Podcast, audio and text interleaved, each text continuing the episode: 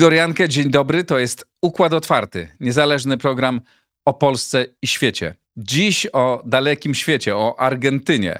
A dlaczego Argentynie? Bo, bo wybory prezydenckie wygrał tam bardzo nietypowy kandydat. Jaki o tym za chwilę opowiemy. E, zanim zaczniemy rozmowę, chciałbym ogłosić Państwu, że dzisiaj rozpoczyna się rekrutacja do Szkoły Przywództwa Instytutu Wolności, którą mam przyjemność tworzyć od 9 lat. W tej szkole, w której tworzymy przyszłe polskie elity, wykładają tacy ludzie jak e, profesor Andrew Michta, e, Zbigniew Jagiełło, generał Rajmund Andrzejczak czy generał Ben Hodges. E, bardzo różni ludzie, wielu przedsiębiorców, Rafał Brzoska między innymi. Serdecznie zapraszam na stronę szkołaprzywództwa.pl. Link do szkoły znajdziecie pod nagraniem. Zobaczycie, tam jest wszystkie szczegóły. I druga informacja, moja książka Siła Polski jest dostępna mm, z moim autografem e, w księgarni, do której link również znajduje się pod nagraniem. Tyle zapowiedzi. Łączę się już z naszym gościem. A oto mecenasi Układu Otwartego. steki.pl to rodzinny sklep internetowy z polską wołowiną premium, bezpośrednio od producenta. Zamów na święta z dostawą na terenie całej Polski. Kto wygra wielką grę mocarstw? Dokąd zaprowadzi nas rozwój sztucznej inteligencji? Zapisz się na XTB Investing Masterclass, bezpłatną konferencję online. Link pod nagraniem. E2V, firma, która zajmuje się sprzedażą zielonej energii w standardzie ESG.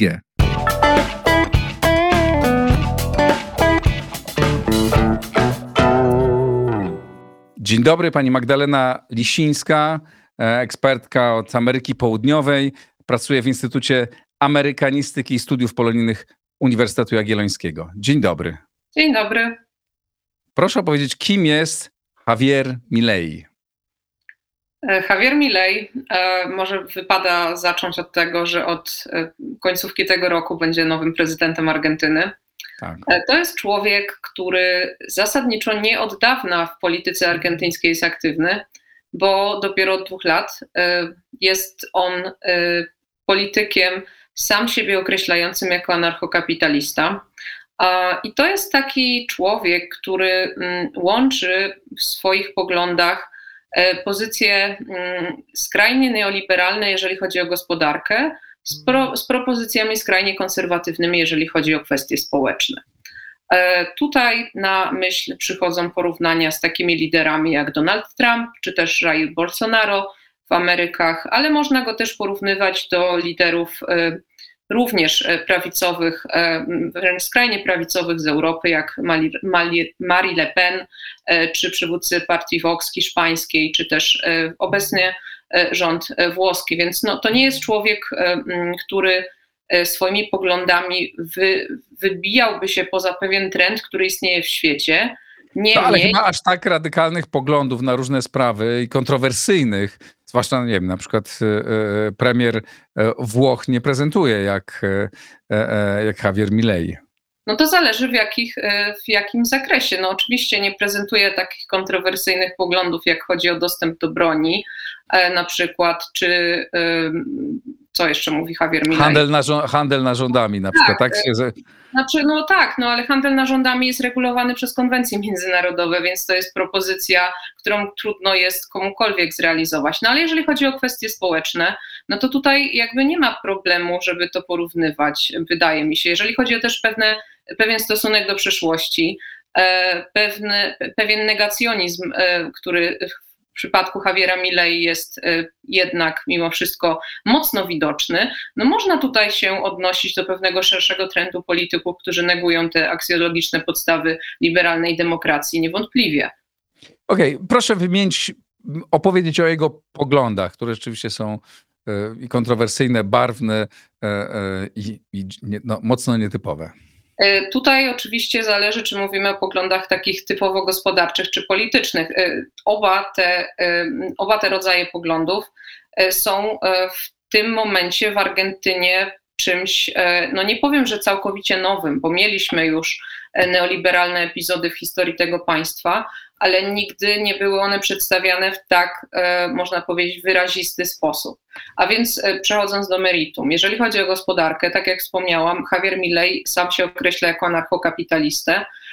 i zasadniczo uważa państwo za instytucję przestępczą. Sam krytykuje państwo i twierdzi, że państwo powinno działać w sposób minimalny, a, wszystko, co tylko można, powinno się przekazać podmiotom prywatnym, a więc innymi słowy, E, dywanowa prywatyzacja wszystkich sektorów, e, które tylko da się sprywatyzować. On również e, oczywiście wybił się politycznie na trudnej sytuacji gospodarczej Argentyny, kryzysie, inflacji, trudnych warunkach życia, a więc przedstawiając swoje propozycje wyjścia z tego kryzysu, zwraca on uwagę na konieczność po pierwsze dolaryzacji argentyńskiej gospodarki, to znaczy przyjęcia dolara amerykańskiego jako waluty obowiązującej. E, też e, mówi on o konieczności zlikwidowania Banku Centralnego Argentyńskiego. Nawet wczoraj, po tym jak e, zostały ogłoszone wyniki i miały miejsce pierwsze wywiady z Javierem Milley, on twierdził, że to jest moralny obowiązek, czymkolwiek miałoby to być w tym przypadku, żeby zlikwidować bank centralny. Jeżeli chodzi o inne poglądy te, dotyczące sfery tej bardziej polityczno-społecznej, E, biorąc pod uwagę jego mm, zamiłowanie do mm, prywatyzacji, on mówił wielokrotnie mm, o tym, że dla niego modelem e, idealnym byłaby również prywatyzacja ochrony zdrowia oraz prywatyzacja sektora edukacji, co w Argentynie nie jest takie proste, dlatego że to jest państwo federalne i te Y, obszary leżą w gestiach prowincji. W związku z tym Javier Milei nie może sprywatyzować ochrony zdrowia i edukacji. Nawet też wczoraj już to powiedział, że mimo, że on chciałby to zrobić, to nie może tego zrobić w takiej formule. Oczywiście może zmniejszyć wydatki na uniwersytety e, federalne, uniwersytety narodowe. To może zrobić na pewno. Poza tym, jako że mówimy o człowieku mającym poglądy mm, konserwatywne społecznie. Jest on przeciwnikiem aborcji, która stosunkowo niedawno została w Argentynie e, prawnie zagwarantowana i e, przyjęta jako ogólnie dostępna. Jest on też przeciwnikiem e, małżeństw jednopłciowych. Podkreśla on również konieczność zwiększenia dostępu do broni palnej, o czym już wspominałam w Argentynie. Również jeżeli chodzi o inne sprawy, Javier Milei, e, o tym też e, niejako mm, wspominałam, dosyć często e, odnosi się do kwestii przeszłości. Tutaj dużą rolę w tym odgrywa jego wiceprezydentka Victoria Villaruel. No i w jego poglądach niestety pojawiają się takie narracje negacjonistyczne dotyczące skali zbrodni dyktatury wojskowej z lat 76-83. Jeżeli chodzi znaczy, o politykę międzynarodową... On co, zaprzecza też... temu, że one były? Co to znaczy, że neguje je? Mhm. To znaczy, że podważa obowiązującą w Argentynie przez 40 lat demokracji, niejako taką będącą wynikiem konsensusu społecznego narrację o tym, że dyktatura wojskowa w Argentynie zamordowała 30 tysięcy ludzi. Mówi się o tej liczbie 30 tysięcy. Rzecz jasna, nie da się tego policzyć co do jednej osoby, gdyż dyktatorzy wojskowi w czasie y, tego rządu zabijali ludzi incognito, a mm, często później po prostu wyrzucali te, mm, te ciała do Atlantyku. W związku z tym nie da się tego policzyć. Raporty, które były sporządzane po dyktaturze, podają liczby około ponad 8 tysięcy i podkreśla się, że to nie jest oczywiście liczba ostateczna.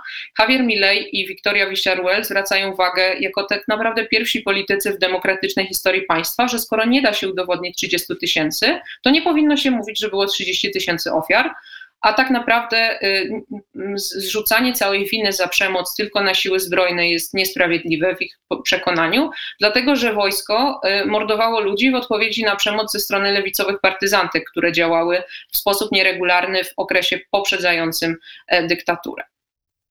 E, jeżeli chodzi o politykę międzynarodową, e, tutaj jest to też dosyć ciekawe. Sam Milei powiedział wczoraj, że jego pierwsze wizyty międzynarodowe będą do Stanów Zjednoczonych, potem do Izraela, co pokazuje zasadniczo priorytety jego polityki zagranicznej. E, bardzo w sposób krytyczny wyraża się w stronę, e, w sposób, wyraża się on na temat dwóch najważniejszych partnerów gospodarczych Argentyny, czyli Chin oraz Brazylii, nazywając przywódców tych krajów komunistami. Również papieża nazywa on komunistą e, i bardzo mocno jest on politykiem antyklerykalnym, co nie wynika z na przykład tego, z czego najczęściej bierze się anty, antyklerykalizm, czyli na przykład ze sprzeciwu wobec uprzywilejowanej pozycji Kościoła w społeczeństwie, czy też um, ukrywania pedofilii, ale z tego, że zdaniem Javiera Milley społeczna nauka Kościoła to jest komunizm, socjalizm i w związku z tym papież jest komunistą. On też powiedział, Milley, wracając jeszcze do Brazylii i Chin, że E, relacje z tymi państwami powinny, nie powinny być regulowane przez państwo, ale przez podmioty prywatne, co brzmi w sposób dosyć y, no, absurdalny, bo jednak to państwo determinuje politykę chociażby handlową, więc, czy, czy politykę celną, więc tutaj na pewno też będzie się musiał zderzyć z, z rzeczywistością. A na ile właśnie on będzie mógł e, realnie wprowadzać to, te swoje e, pomysły w życie. Jeden z patronów Układu Otwartego, przy okazji pozdrawiam wszystkich, bo to dzięki wam ten program mogę e, prowadzić, pan Cinek. E, chciał panią zapytać o to, jaka realna władza przypada prezydentowi, kto może ograniczać albo blokować jego zapowiedzi, jeśli chodzi o przebudowę struktury państwa, no i tych rzeczy, o których pani mówiła. Zasadniczo e, w Argentynie prezydent może dużo. Mamy do czynienia z, e, generalnie nie tylko w Argentynie, ale w znacznej większości krajów latynoamerykańskich system prezydencki, który sam w sobie determinuje silną pozycję prezydenta w systemie ustrojowym, ale system prezydencki w Argentynie jest dużo silniejszy niż na przykład system prezydencki w Stanach Zjednoczonych, który jednak gwarantuje pewien, e, pewną tę zasadę checks and balances, równoważenia się i ograniczania władz. W przypadku Argentyny tutaj ta pozycja ustrojowa prezydenta jest e, silniejsza. E, przykładowo, w przeciwieństwie do prezydenta USA, prezydent Argentyny ma inicjatywę ustawodawczą, ale to, co jest najważniejsze z punktu widzenia właśnie realizowania tych postulatów, to to, że w Argentynie istnieje takie narzędzie jak dekret z mocą ustawy, które, który może wydawać prezydent w sytuacjach nadzwyczajnych z kilkoma wyjątkami, to znaczy nie można dekretować podatków e, i kwestii dotyczących e, sił zbrojnych, ale generalnie w sytuacjach nadzwyczajnych można to robić. I ta, to narzędzie było bardzo mocno nadużywane w latach 90., gdy prezydentem był Carlos Menem, który dekretował multum spraw, między innymi dekretami e, ułaskawił wojskowych, schund wojskowych skazanych za łamanie praw człowieka. Więc no, jeżeli Javier Milei chciałby pewne rzeczy zrobić, to ma możliwości ustrojowe, żeby je robić z pominięciem kongresu, aczkolwiek I czy zrobi wiadomo, to? I czy nie zrobi wiadomo, to? to. Nie wiadomo, czy to zrobi, czy w ogóle będzie musiał pomijać kongres, dlatego że on y, jeszcze przed tym, jak zwyciężył, tuż po pierwszej turze wyborów, od razu otrzymał poparcie ze strony tradycyjnej prawicy argentyńskiej, y, której liderem jest były prezydent Mauricio Macri. E, który ma, moim zdaniem, Mauricio Macri jest tak naprawdę drugim zwycięzcą tych wyborów. Już dzisiaj, on wczoraj nawet spotkał się z Javierem Milei, razem ustalali skład gabinetu.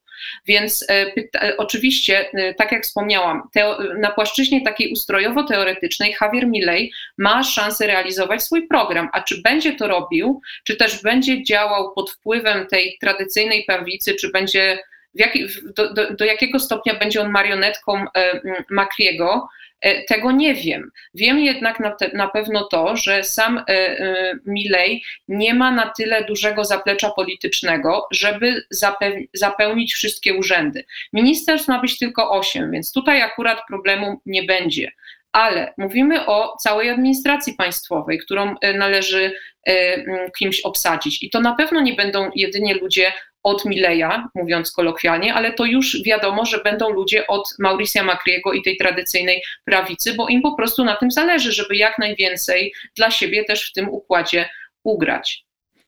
Ale z tego, co pani mówi, są duże szanse, że będzie wprowadzał te swoje zapowiedzi, no bo ma narzędzia e, do tego i ma e, e, znaczy nie, nie, ma siły, która może go skutecznie, która może go skutecznie zablokować. Proszę jeszcze opowiedzieć, w ogóle jak do tego doszło i skąd on się wziął, jakby co pociągnęło ludzi. E, bo domyślam się, że to nie jest tak, że trafił swoimi poglądami w serca i w emocje ludzi, tylko pewnie tam było no, w tym szaleństwie jego e, e, czymś jeszcze innym pociągnął ludzi. Proszę opowiedzieć, tak. co to jest.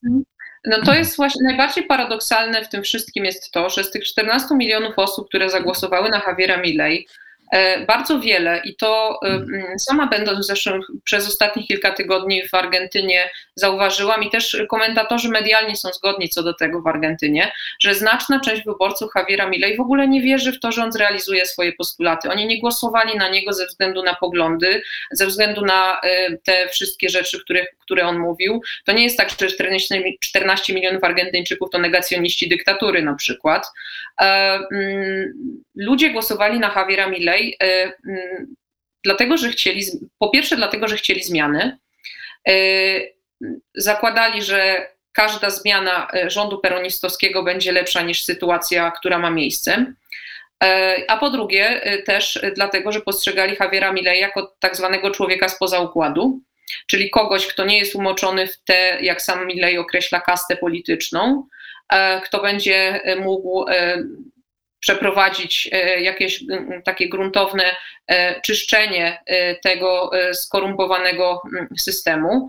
Ludzie uwierzyli w taką narrację, a on też idealnie wpisał się w pewien trudny, trudny okres. No bo jak wiemy, Argentyna jest w tym momencie w fatalnej sytuacji gospodarczej, wysoka inflacja, e, mamy przewidywania, e, że ona dobije może nawet do 200% w tym roku jeszcze kalendarzowym. Za tym oczywiście 200%. nie idzie. To W tym momencie jest usłyszałem. 140. Tak, 200, w tym momencie jest 140%. Tak, w tym momencie jest 140. Przewidywania są w okolicach 15, że będzie, że będzie ta inflacja rosła jeszcze w okolicach e, tak mniej więcej 15% w skali miesiąca, ale to może być więcej, czyli szacuje się, że między 180 a 200 będzie inflacja do końca tego roku. Więc mówimy o ogromnym problemie. E, oczywiście wynagrodzenia nie idą, wzrost wynagrodzeń nie idzie w parze z tą inflacją, więc mówimy o gwałtownym zubożeniu społeczeństwa i też takim poczuciu, że dotychczasowe elity e, nie są w stanie sobie poradzić z tym kryzysem, bo oczywiście inflacja jest ogromna teraz, ale tak naprawdę Argentyna jest w kryzysie już od co najmniej, e, co najmniej kilkunastu lat, e, z mniejszym bądź większym natężeniem. Więc nie mówimy jedynie o okresie rządów peronistów, tych ostatnich czterech latach, gdzie jeszcze była pandemia, była susza. Wiele czynników przyczyniło się do tej złej sytuacji, ale też wcześniejszych rządach prawicy, która to na przykład zaciągnęła e, w Międzynarodowym Funduszu Walutowym e, kredyt e, na ponad 50 miliardów dolarów, którego nie da się spłacić de facto, bo, bo państwo nie ma na to takich środków. Więc tutaj no, mówimy o takim szerokim rozczarowaniu klasą polityczną i Milley wykorzystał ten fakt, kreując się na outsidera. Nie on jeden wykorzystał taką strategię, no bo tak samo kreował się Bolsonaro, tak samo się kreował Trump. E, I wielu ludzi po prostu uznało, że będzie to dobry kandydat, który pozwoli e, niejako odbudować państwo, e, rozpocząć ten proces rekonstrukcji, bo tak mówi Milley, e, i no, wyprowadzić kraj z kryzysu. Była tam pani podczas kampanii wyborczej. Proszę opowiadać, jak ta kampania wyglądała też, co on robił takiego, co sprawiło, że on pociągnął tych ludzi. Ale też proszę nam to tak zobrazować, żebyśmy sobie wyobrazili, jak to, jak to wyglądało. Generalnie w Argentynie, w przeciwieństwie do Polski, e, polityka jest bardzo widoczna wszędzie. E, Nie da się odciąć od tego tematu. Nie da się odciąć od tego tematu, e, bo po pierwsze, kandydaci mają zagwarantowane w mediach e, swój czas antenowy i dosłownie co chwilę lecą spoty wyborcze, czy to w radio, a w Argentynie raczej ludzie też słuchają dużo radia, nie tylko oglądają telewizję, chociaż telewizja rzecz jasna też, w telewizji też to jest. Na, no, dosłownie przez ostatnie dni przed wyborami prawie na każdej ulicy, na co drugim rogu stały osoby rozdające ulotki jednego bądź drugiego kandydata. E, mm, Ci kandydaci też e, spotykali się z wyborcami, e, jeździli po kraju, choć Javier Milei dużo w mniejszym stopniu. To jest dosyć ciekawe, dlatego że jak pokazują wyniki, on wygrał w praktycznie wszystkich prowincjach argentyńskich, od ziemi ognistej po północ kraju. A mimo wszystko e, e, i, i zrobił to, mimo że tak naprawdę nie podróżował po, po Argentynie jakoś specjalnie. On głównie się zatrzymywał w Buenos Aires i w prowincji Buenos Aires, czyli w takim powiedzmy niedalekim otoczeniu, ewentualnie w dużych innych miastach, bogatych miastach i które to też go poparły, jak na przykład Cordoba. Sergio Massa, czyli kandydat, który przegrał, mm, obecny minister ekonomii, dużo więcej jeździł, aczkolwiek też skupiał się ze względu na ogromne odległości na takiej codziennej pracy kampanijnej w prowincji Buenos Aires. Była też debata prezydencka. W Argentynie debaty prezydenckie przed pierwszą i drugą turą wyborów są obowiązkowe, to jest prawem wyborczym regulowane. I ta debata faktycznie trwała dwie godziny i była taka, mm, można powiedzieć, wyczerpująca, jeżeli chodzi o y, mm, możliwości zapoznania się z profilem y, dwóch kandydatów. Tematy obok takich, które zawsze się pojawiają, e, były też częściowo determinowane przez samych y, mm, wyborców, wyborczynie, którzy mogli zgłosić y, kwestie do debaty, które byłyby interesujące dla wyborców w tym konkretnym roku. I na przykład w tym roku przed drugą turą włączona do debaty została tematyka praw człowieka. E, w związku z tymi właśnie narracjami e, klasycznymi, e, klasycznie negacjonistycznymi, przedstawianymi nie tylko przez Javiera Milei, ale też głównie przez Wiktorię Villarruel, czyli przyszłą wiceprezydent Argentyny. Więc ta kampania naprawdę jest była bardzo widoczna i też można powiedzieć, że wręcz taka wyczerpująca dla osób, które próbują to śledzić tak z dnia na dzień. Ale jak, czyli jak rozumiem, on y, używał w bardzo dużym stopniu środków masowego przekazu, ale żeby tam być, potrzeba zwykle dużych pieniędzy. Proszę powiedzieć w ogóle, skąd on się wziął, skąd wziął pieniądze, kto za nim stał i na czym ten fenomen polega? E, w Argentynie. Mhm. W Argentynie e, nie ma możliwości takiej jak w Stanach Zjednoczonych, aby prywatnie finansować kampanię wyborczą. To nie jest tak, że za kandydatami stoi jakieś lobby, które po prostu pakuje pieniądze w danego kandydata. To jest e, jakby no, nie, niemożliwe on e, nie, nie ma za sobą jakiegoś. E, to nie jest kandydat wielkiego biznesu. To znaczy, to nie jest tak, że środowiska, które kojarzymy z tymi największymi pieniędzmi w Argentynie, wykreowały takiego człowieka. Bo takie środowiska w Argentynie popierają zwykle tę tradycyjną e, prawicę, taką jak właśnie wspominany przeze mnie e, już e, kilkakrotnie Mauricio Macri. Javier Milei działał oddolnie i jego sukces niejako i to, że on się bardzo szybko wybił w polityce, bo jak wspomniałam, on dopiero od de facto dwóch lat jest aktywnym politykiem. E, ten jego sukces w dużej mierze wynikał z takiego, można powiedzieć, niekonwencjonalnego, niekonwencjonalnego jak na Argentynę stylu prowadzenia polityki. E, mówię o niekonwencjonalnym jak na Argentynę, bo mm, to nie jest do końca tak, że w Argentynie na przykład nie prowadzi się kampanii w taki sposób bardziej luźny i nie, nie stawia się na kontakt z wyborcami.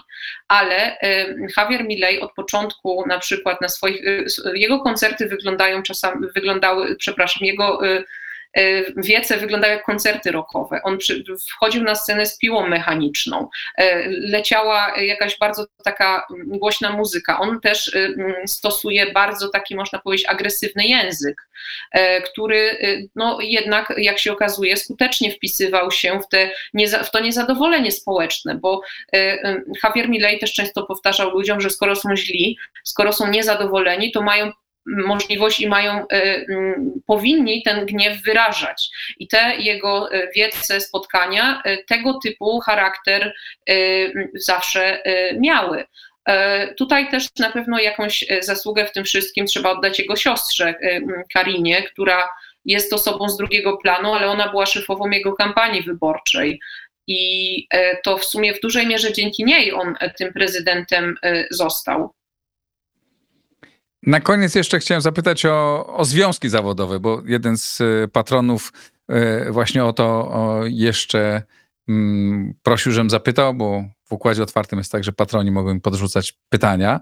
E, jak on sobie poradzi ze związkami zawodowymi, skoro jest tak ultra, ultraliberalny, no a jak rozumiem, związki zawodowe w Argentynie mają silną pozycję? E, mm, Javier Milei e, wczoraj w wywiadzie, e, po tym jak został prezydentem, został dosłownie o to też mniej więcej zapytany, co zrobi, jeżeli będą protesty, bo ja nie mam wątpliwości co do tego, że będą protesty na pewnym etapie, jak on będzie swoje propozycje wcielał, nawet te czysto gospodarcze. E, no bo on też mówił o po prostu ograniczeniu wydatków budżetowych. I to się na pewno spotka z, z, z, protestami ze strony czy to związkowców. Związkowcy też będą pewnie protestowali w przypadku prywatyzacji. E, to się spotka z protestami e, środowisk, też może się spotkać z, z, z protestami środowisk chociażby akademickich, nauczycieli, ochrony zdrowia. Na pewno te protesty będą. On powiedział, że jeżeli ktoś łamie prawo, to będzie ukarany. Tak powiedział wczoraj. E, co e, mm, wprawiło, można powiedzieć, w pewną konsternację opinię publiczną, bo to zostało zrozumiane w taki sposób, że e, mm, no niejako będzie pewnie pacyfikować te protesty, jeżeli one nastąpią. E, więc trudno powiedzieć. Ja nie wyobrażam sobie, żeby związkowcy, e, a związki zawodowe w Argentynie są w zdecydowanej większości nie tylko peronistowskie, ale, ale wręcz są e, związane z Christiną Fernandez de Kirchner, czyli kirchneryzmem, tym bardziej jeszcze lewicowym nurtem peronizmu. Ja sobie nie wyobrażam, żeby oni siedli do stołu z Javierem Milley od razu i negocjowali jakieś rozwiązania, więc i no powiem szczerze, że ciężko jest mi sobie to wyobrazić i jestem dosyć taka no, zmartwiona tym, bo e, to może bardzo wyglądać, e, no, to może wyglądać po prostu w bardzo przykry sposób, e, jeżeli takie protesty nastąpią. A też trzeba mieć świadomość, że w Argentynie były już nawet w tej demokratycznej historii epizody pacyfikowania siłowego protestów. Zapewne polityka w Argentynie będzie niezwykle barwna i ciekawa, bo Javier Milei też o tym nie powiedzieliśmy, dostał aż 56% głosów, tak? Czyli ta przewaga e, w drugiej turze wyborów była duża. E, e, czy polityka może wywołać większe zainteresowanie w Argentynie niż piłka nożna? Polityka w Argentynie wywołuje duże zainteresowanie z kilku przyczyn, z podstawowej przyczyny też takiej, że głosowanie jest obowiązkowe. W związku z tym, jeżeli ktoś hmm nawet nie chce się interesować, to koniec końców musi iść ten głos oddać. E, inna rzecz jest taka, że e, widać pewne zmęczenie tym, e, tym wszystkim, bo frekwencja była bodajże 76%, czyli wcale nie tak wiele wyższa niż w ostatnich wyborach w Polsce, gdzie to my nie mamy obowiązkowego głosowania. A Argentyńczycy bardzo lubią protestować i faktycznie wychodzą często na ulicę. Częściej, ale nie częściej, niż na, ale nie częściej niż na stadiony piłkarskie. E, no ja bym powiedziała, że równie często. W sensie na stadiony oczywiście wychodzą i piłka nożna to jest jeden z elementów, które łączą w Argentynie. E, tak samo jak na przykład, chociaż tutaj można byłoby też się zastanawiać, na ile Javier Milei wpisuje się w to, co powiem, e, stosunek do archipelagu Falklandów Malwinów. To, że Malwiny są argentyńskie, co do tego też zgodzi się każdy Argentyńczyk. Polityka nie jest czymś, co łączy w Argentynie, tylko jest raczej tym czynnikiem, który dzieli. Ekspresja polityczna E, tak zwana militancja, czyli mm, branie udziału w polityce na poziomie takiej aktywnej, e, jest czymś, co w Argentynie jest e, bardzo popularne. Partie polityczne mają bardzo wielu członków, więc to faktycznie jest coś, co łączy, ale jeżeli chodzi o poglądy, to niewątpliwie nie jest tak. Jest, jest po prostu dokładnie odwrotnie. Bardzo Pani dziękuję. Magdalena Lisińska z Krakowa, nie z Buenos Aires, ale rozumiem, że niedawno wróciła Pani stamtąd. Tak, dwa dni temu. Dziękuję, e, dziękuję bardzo. E, to wszystko na dzisiaj. Dziękuję, dziękuję Państwu. E, mm, napiszcie, co o, tym, co o tym sądzicie w komentarzach. Subskrybujcie Układ Otwarty, wspierajcie na patronite.pl, kupujcie moją książkę. Pozdrawiam, do zobaczenia, do następnego razu.